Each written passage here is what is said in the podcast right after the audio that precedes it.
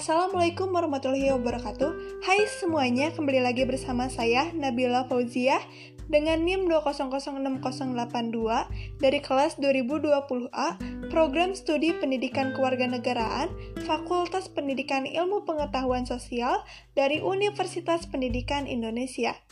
Dalam podcast Hukum Islam hari ini, saya akan menjelaskan mengenai sumber hukum Islam. Sumber hukum Islam yang utama adalah Al-Quran dan As-Sunnah.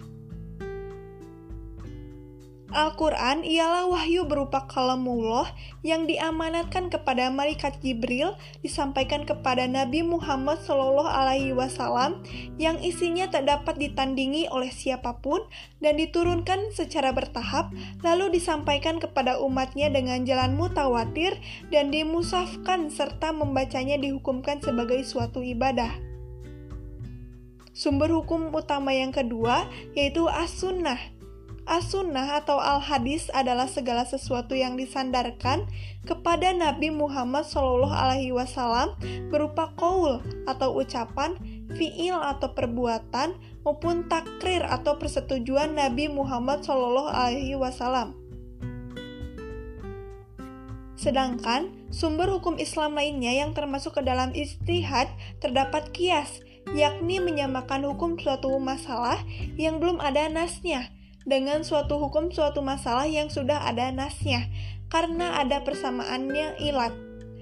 Yang kedua, ijma, yakni kesepakatan ulama tentang suatu hukum sepeninggal Nabi Muhammad Shallallahu Alaihi Wasallam.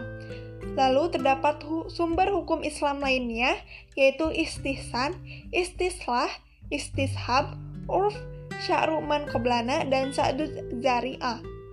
Secara terminologis, ijtihad adalah mencurahkan segenap kemampuan berpikir untuk mengeluarkan hukum syar'i yang praktis atau amali dari dalil-dalil Al-Quran dan Sunnah.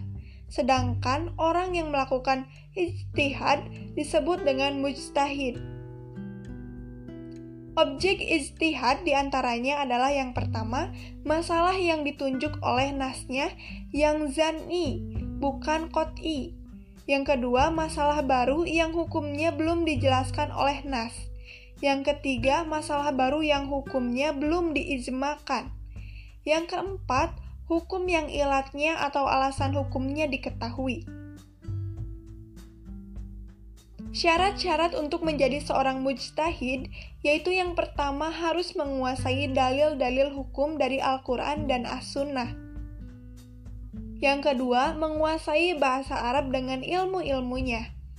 Yang ketiga, masalah-masalah yang sudah diijmakan. Yang keempat, menguasai ilmu usul fikih atau metodologi hukum Islam. Yang kelima, mengetahui makosidusi syariah. Yang keenam, mengetahui asbabun nuzul dan asbabul wurud. Mungkin hanya ini yang bisa saya jelaskan. Mohon maaf apabila ada kesalahan kata dan pengucapan. Terima kasih sudah mendengarkan podcast saya hari ini. Sampai berjumpa kembali di podcast selanjutnya. Wassalamualaikum warahmatullahi wabarakatuh.